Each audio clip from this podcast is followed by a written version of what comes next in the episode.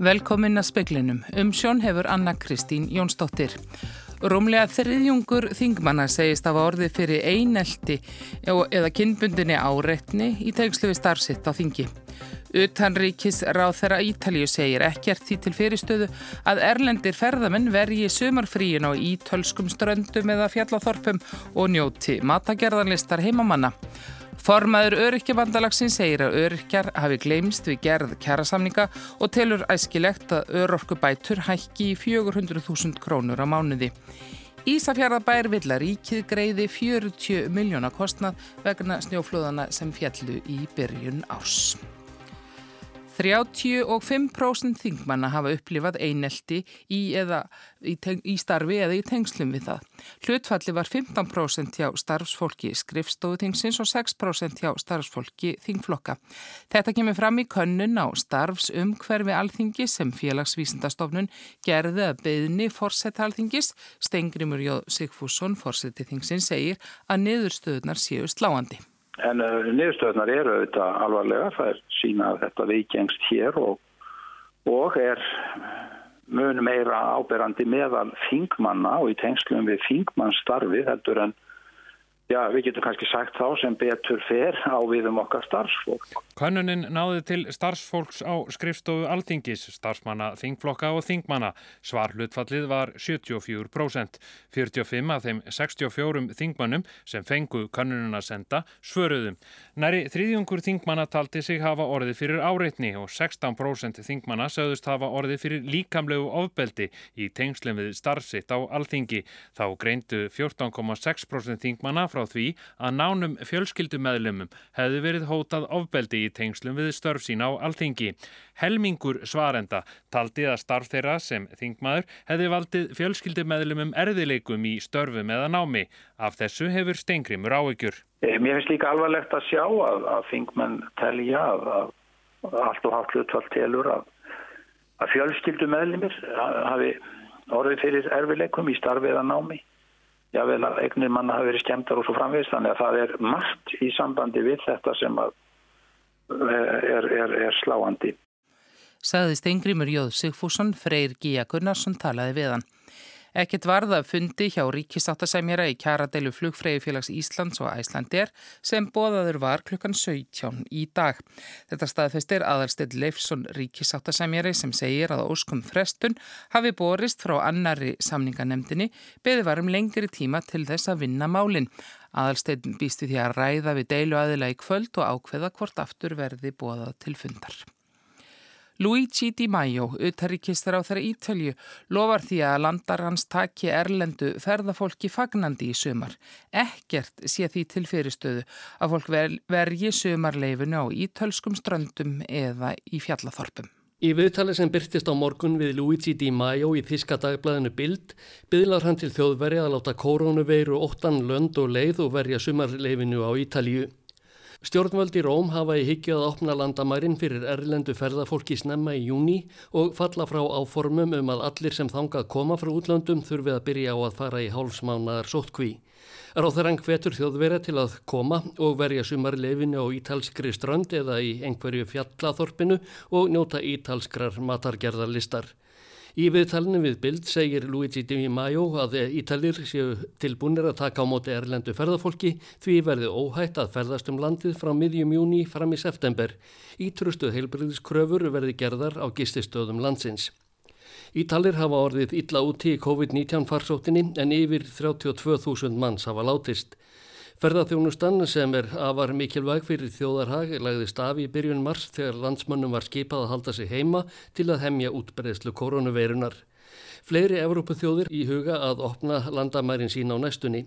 Þjóðverjar hafa til skoðunar að taka móti erlendu ferðarfólki um miðjan júni. Hæko Maas, utanríkisráð þeirra, hefur gefið til kynna að landið verði fyrst opnað fyrir Evrópubúum áður en fólki frá öðrum álfum verði hleft inn fyrir landamærin. Ásker Tómasson saði frá. Frumvarp sem felur í sér stopnun nýst domstóls endur upptöku dóms var samþygt á alþingi síðdeis. Hann kemur í stað endur upptöku nefndar og sker úrum hvort heimilað er að taka dómsmál upp á ný. Áslög Arna Sigurbjörnsdóttir dómsmálar á þeirra fagnar lögunum. stofnun endurupptökudómstóls verða með honum verða tekin af vel tvímælum að dómsvaldi sé einverðug á hendi dómara í samræmi við stjórnarskrá og það er alveg ljóst að meginreglunum með þrískiptingu ríkisvaldsins er þar með fest í sessi og skilyrðum endurupptöku dómsmála einnig rýmkuð en mikilvægast það er auðvitað í þessu felst talsverð réttabót fyrir almenningi í landinu. Helga Vala Helgadóttir, þingmaður samfélkingarnar, greiti atkvæð með frumarpinu og sagði það mikla réttarfarsbót en harmaða gjafsóknir ekki leifð.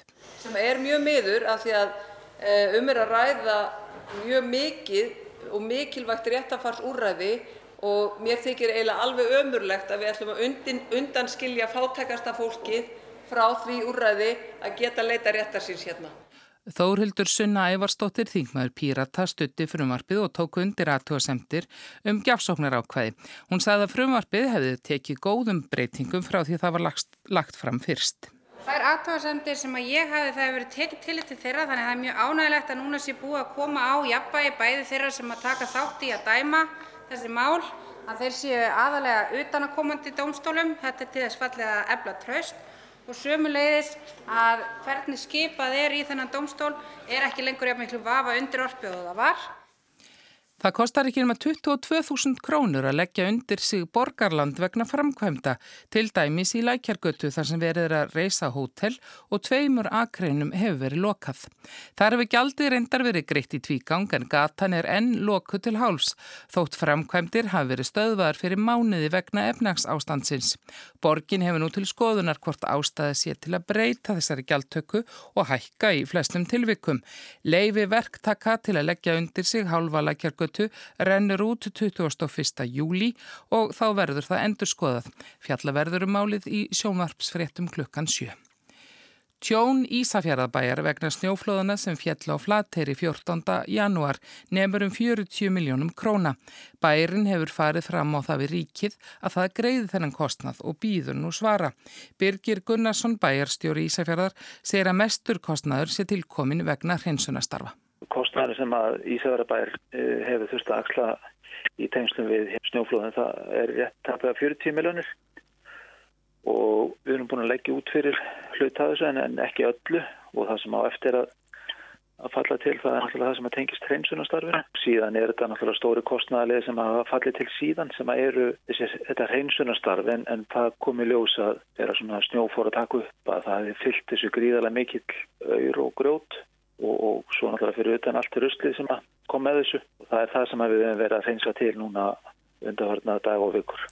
Birgir segir að ríki hafi farið fram á við bæin og taka sama kostnað við snjóflóðið og yfirleitt hafi nú verið sendt fórsættisraðunetinu. Við viljum meina það að ríkið allir nú axla þessa, axla þennan kostnað en þess vegna ger, gerðum við greið fyrir kostnaðinu við, við hérna ríkið fyrir skomið síðan og bara bindum vonið við það að við fáum þetta bætt og ég hef svo sem ekki trú á, á öðru. Þessu til viðbótar hefur bærin tekið sama kostnað fyrirtæki og einstaklinga sem urðu fyrir tjóni vegna flóðsins. Kostnaðamat á því tjóni er rétt um 24 miljónir.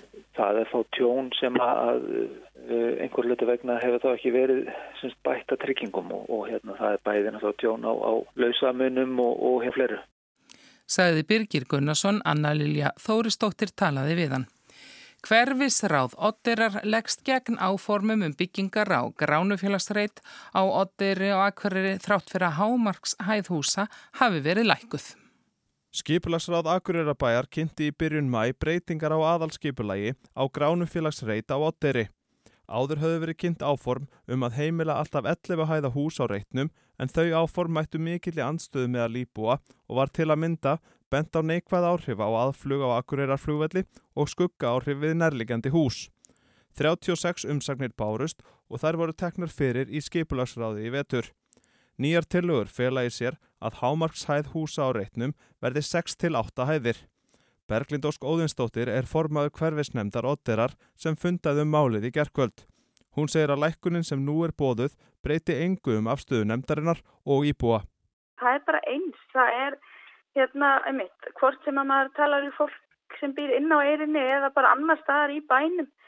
Að fólki finnst þetta bara skrítið, þetta hérna, einhvern veginn bara á ekki við. Það er gott skipula í gildi sem að, að bærin ætti bara frekar að beita sér fyrir að að hérna, sé unnið eftir þetta verður bara ekki smekkli breyting ef að þetta næri gegn og ég, ég, mér finnst viðhör fólks ekki hafa breyst neitt við, við þessa, þessa breytingu á, á tilögunni sko. Hverfisnemdin ætlar að senda en sína umsögnum breytinguna sem Berglind segir nánast óbreyta frá fyrri umsögn. Grunninn er hún bara svo sama því að, að, því að þetta er engin breyting að neina við til sko, ekki sem að skipta einhverju máli sko. Saði Berglind Ósk Óðinsdóttir Bjarni Rúnarsson tók saman.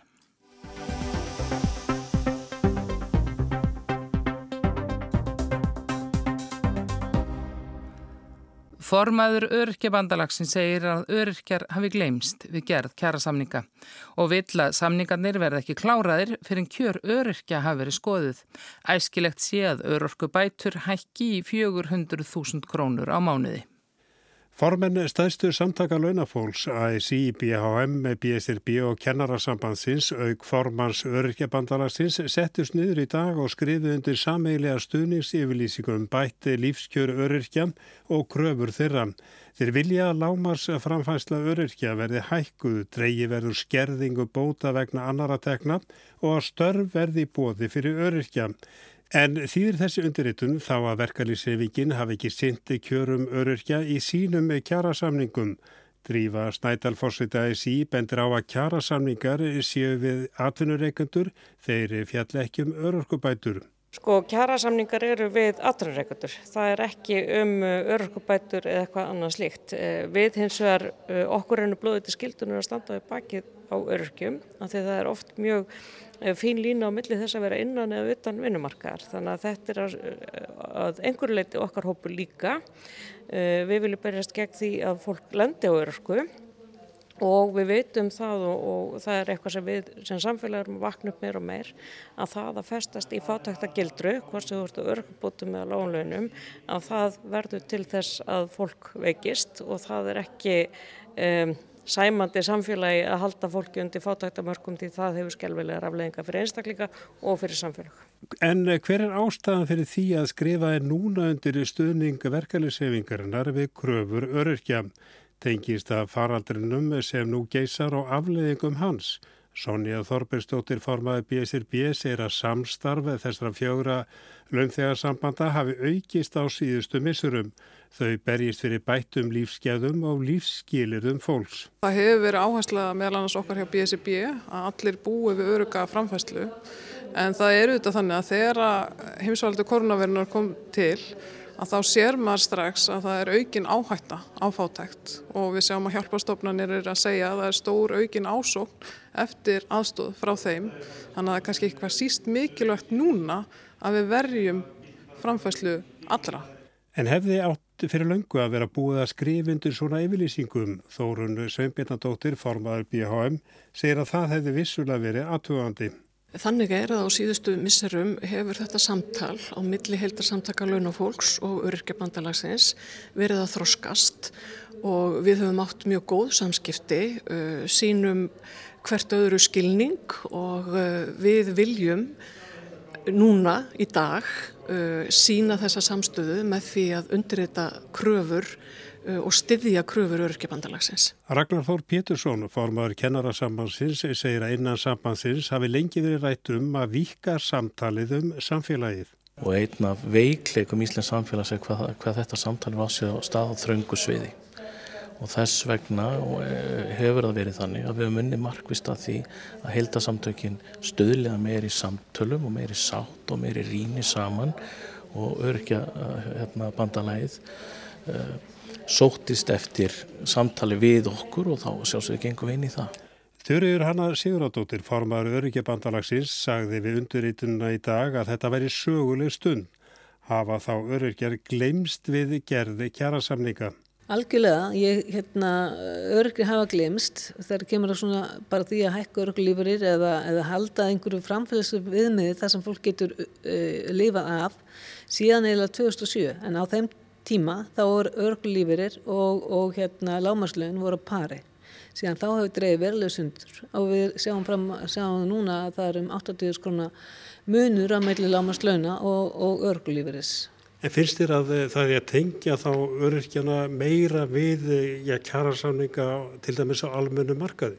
Já, mér finnst það og ég svona kannski er það bara fjarlæðu draumur en það er auðvitað það sem að kannski maður svona gæli við að það verði þannig að uh, þegar að verði að vinna í kærasamningu fyrir almanna vinnumarkað að sé ekki, það sé ekki klárað fyrir en búið er að taka málunni öryggi og skoða þeirra kjör líka.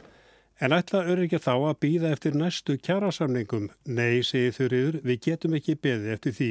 Það verður að hækka örygglífurinn. Hann er alltaf lári í dag. Fólk getur ekki hérna, dreyið fram lífið af hann og það ofinbyrast algjörlega núna í, í þessari koronafaraldri sem að herja hérna á okkur að fólk er bara, býr við bara óbúslega mikla fátakt og við sjáum það að eh, um 60% aukning voru á, á hérna melli ára í mars og aprilina hjálpar uh, samtök kirkunar þar sem verið að byggja um aðstóð og þar e, e, vor, var stærstu hlutin e, fallega langut fólk, einstæðar fallegar mæður.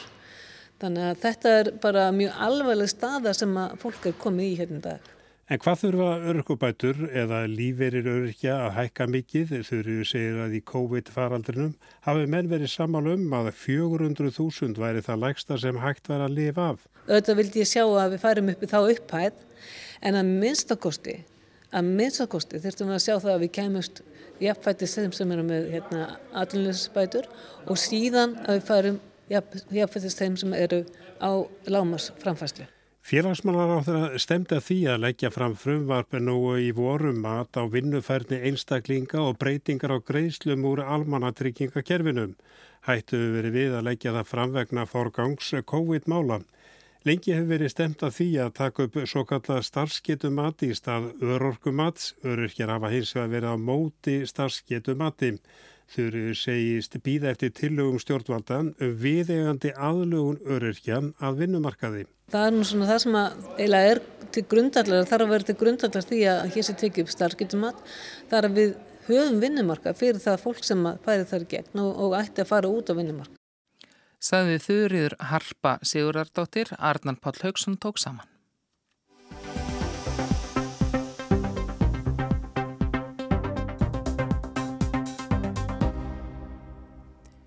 Eftir því sem gróðursæld vex á Íslandi eikst hætta á gróður eldum. Plöntuvistfræðingur segir að það er eftir að taka landið sem brann í nótt langan tíma að jafna sig. Veðurstofan hefur lengi viljað bæta í vöktun á gróðuröldum en það hefur strandað á fjármagni. Talið er að um 15 hektara lands hafi brunnið í gróðureldum í Norðurárdal í borgarfyrði í nótt. Slökkulismenn notuðu sinuklöppur og fróðu til að kæfa eldin sem hafi læst sig í mósaþempur og kærgróður. Klukkan 6 í morgun var slökt í síðustu glæðunum. Baráttan stóð í hálfan sólarring og yfir hundrað komu að slökkvistarfinu.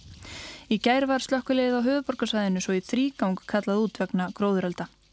Jón Viðar Mattíasson, slökkulistjóri, segir í samtali við fréttastofu að erfitt gæti reynst að ráða við gróðuröld á höfuborgarsvæðinu að koma slökkulis geti verið erfið engum á útivistarsvæðum.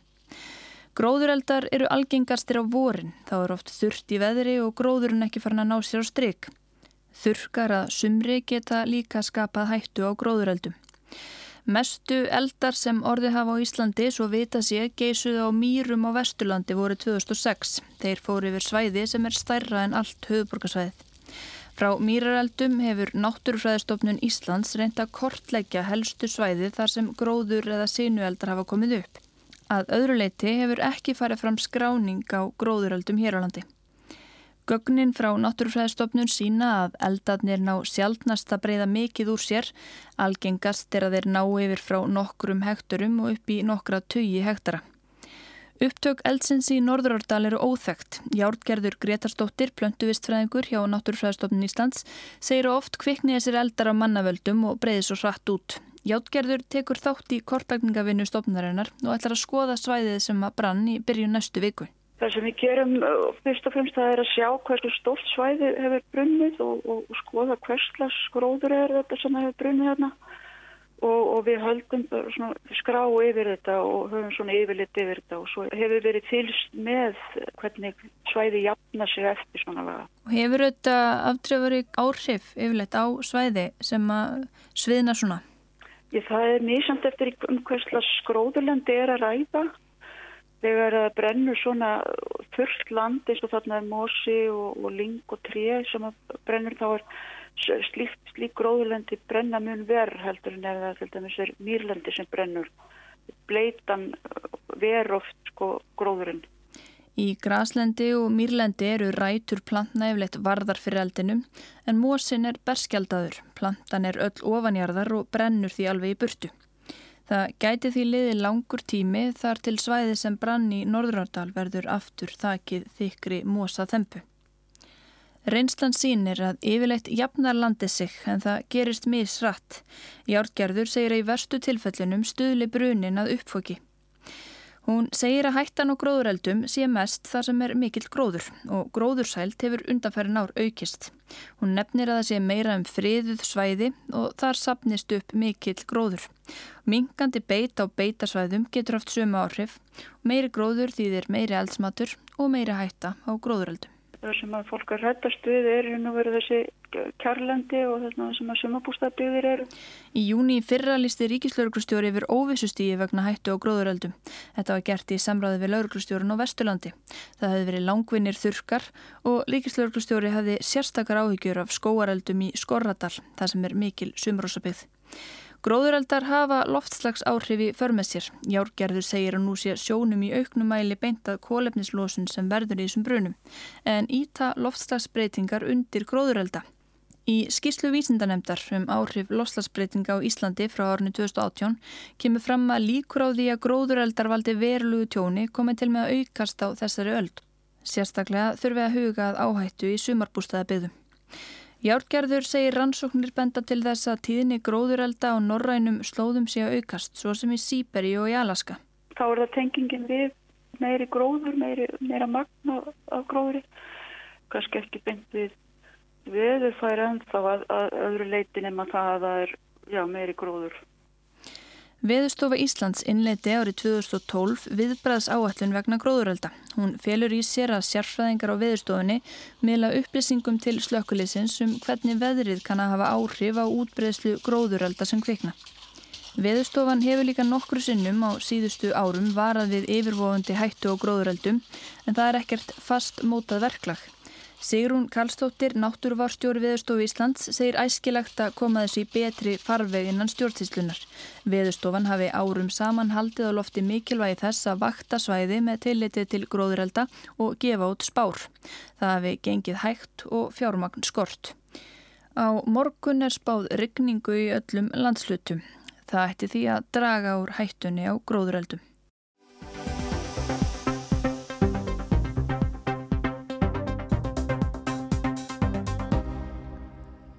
Þriðjulótu samningaviðræðina breyta og Evropasambandsins um framtíðar viðskiptið þeirra laug fyrir helgi með litlum árangri og hvað siður þeim á báða bóga. COVID-19 veiran hindrar að samningamenn hittist en hún smittar líka brexit með ýmsum hætti. Formleg útganga breyta úr Evrópusambandinu 31. januar staðfesti kostningasegur Boris Johnson fórsætsráður að breyta í desember. Eftir sex vikur framkvæmdi Johnson það sem forvera hans Theresa May tókst ekki á ríflega sex mánuðum. En heimurinn var að breytast. Nýju óvinnurinn, koronaveiran, innleiti nýja siði. Þegar Angela Merkel, Þýskalandskanslari, mætti á fund annan mars og ætlið að vanda að hilsa með handabandi, myndi Horst Seehofer innaríkisráðara hana á að nú var í handaband óvitturlegt. Hláturinn glumdi, Merkel fórnaði höndum, auðvita ætti handaband ekki lengur við, sagði kanslarinn. Á bladamannafundi tveimur dögum síðar sagði Boris Johnson gladbettur frá því að hann hjælti nú alveg áfram að helsa með handabandi. Í spítala heimsókn hefði hann heilsað COVID-sjúklingu með handabandi það var í mikilvægt að halda því áfram en fyrir hvert nú einna gert upp við sig. Fram að þessu hafði Brexit verið helsta hugðarefni Johnsons. Kanski ein ástæðan fyrir að brettar voru einna síðastir Evrópuþjóða að setja á samkomu bann ekki fyrir enn 23. mars. Brexit druknaði í veirufréttaflóðinu sem skólaði burtu þessum óyfirstíganlega pólitíska þröskuldi að samina þjóðina. Brexit varð eins og gömulsaga sem allir höfðu mist áhugan á. Nú er löngu ljóst að framvinda COVID og Brexit er með ímsum hætti samtfinnuð hvort sem er veiruhamur þingsins eða samningaviðræðunar og útkoman þar. Í síðustu viku sagði íhjálpsþingmaðurinn Jacob Rees-Mogg sem leiðir þingstörfin fyrir höndríkistjórnarinnar að þingið get ekki hvart fólk til að mæti vinnuna og setið svo sjálft heima. Við ættum að sína fordæmi, sagði þingmaðurinn. Þingið ætti helst að koma saman í júnibyrjun eftir vantalett þinglið, halda þá hæfilegri fjarlæð innan hús. Ekki einfalt þetta með 2 metra milli manna í þingsal sem rúmar ekki alla 650 þingmennina og bekkitnir oft tróðnir. Einni í þessu máli er Brexit-vít. Brexit klárast ekki nema þingið afgreiði tölvert mörg Brexit-mál en veiran hægir á þingstörfum. Rís-Mogg nefndi ekki Brexit en hægagangur þingsins er sérstatt áhyggjuefni Rís-Mogg og annara Brexit sinna þingmana sem nú mynda nýtt lið í þingflokki stjórnarinnar. Brexit sinna þingmenn sem telja að stjórnin eigi að haska sér að galopna aftur þingsalinn og landið. Hópurinn mun á nefa beita kröftum sínum í báðum þessum málum rétt eins og hann gerði í Brexit á stjórnantímu mei. Nú er líka annað áhuga mál Brexit sinna stjórnanþingmana aftur í auksín.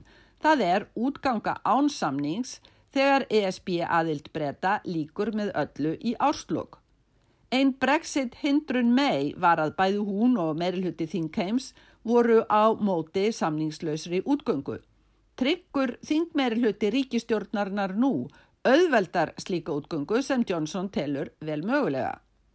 Vissulegu ímsir sem telja þetta aðeins samningsbrað fórsetsráð þeirra kjósi samninga um framtíðarsamskipti breyta og ESB en vilji nota möguleikan um samningslösa útgöngu til að skjelfa ESB og þrýsta á samninga sem breytum hugnist. En hugsanlega hefur tíminn unnið gegn breytum ESB sætt sig við samningslösa útkomu og veiruváin mingi hlutvarslega vandan sem hún myndi valda ESB. Stjórnarliðar hafna eindreið að fresta brexit fullnustunni í árslokk, samningar eða ekki samningar. Í huga hörðustu brexit sinna gæti veirukostnaðurinn drekt kostnaði vegna brexit og algjört dróf og engir samningar auðvelda breskustjórninni að fara sínu fram í viðreysn efnagslífsins eftir veiruvána. Aðri líta svo á að brexit og þó engum samningslöst brexit væri háskaleg og óábyrg niðurstaða sem auki bæði veiruvandan og kostnað þjóðarbúsins yllilega. Michel Barnier, aðalsamningamæður ESB, var ómyrkur í máli eftir samningslutuna í síðustu viku, afar vonsveikin yfir afstöðu breyta líka í aðtreyðum sem hefði ekkert með aðild að gera eins og reglum um peningaþvætti.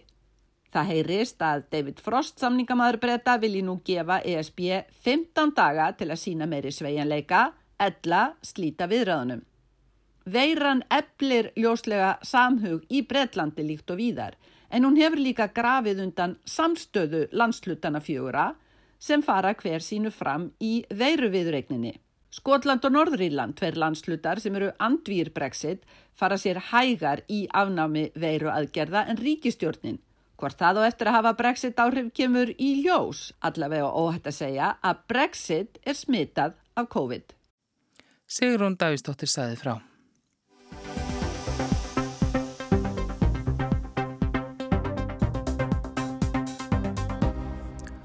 Útlutanir maðurastyrks nefndar Reykjavíkur hafa síðustunum mánuði verið með breyttu sniði vegna kórunveru faraldursins en þar hefur ekki verið skellt í lás. Í speikli gerdagsins var fjallað um áhrif faraldursins á fátæka haft eftir skjólstæðingi maðurastyrks nefndarinnar að ekki hefur verið hægt að stóla og matargjafir þaðan á meðan faraldurinn stóð sem hæst. En Anna Péturstóttir formað nefndarina segið þvertamóti að neyðaraðstóð hafi verið veitt allan tíman. Skjólstæðingar hafi hringt og þeim verið útlutaður tími til að koma og sækja mat. 300 heimili hafi fengið aðstóð í mars og hátt í 600 í apríl. Þá segir Anna að hægt sé að fá 50.000 krónar styrk hjá nefndinni vegna sumarnámskeiða badna. Viðmælendur speilsins höfðu áhyggjur af því að geta ekkert veitt bönnum sínum í sumar. Og þá að veður horfum það verður austankaldi eða stinningskaldi á morgun en all kvast eða kvast með suður ströndinni, talsverð ryggning sunnan til landinu og fer að ryggna norðanland síðdeis, hítabilinu 7 til 13 stík. Og það er ekki fleira í spekli kvöldsins, tæknimaður í útsendingu var Ragnar Gunnarsson veriði sæl.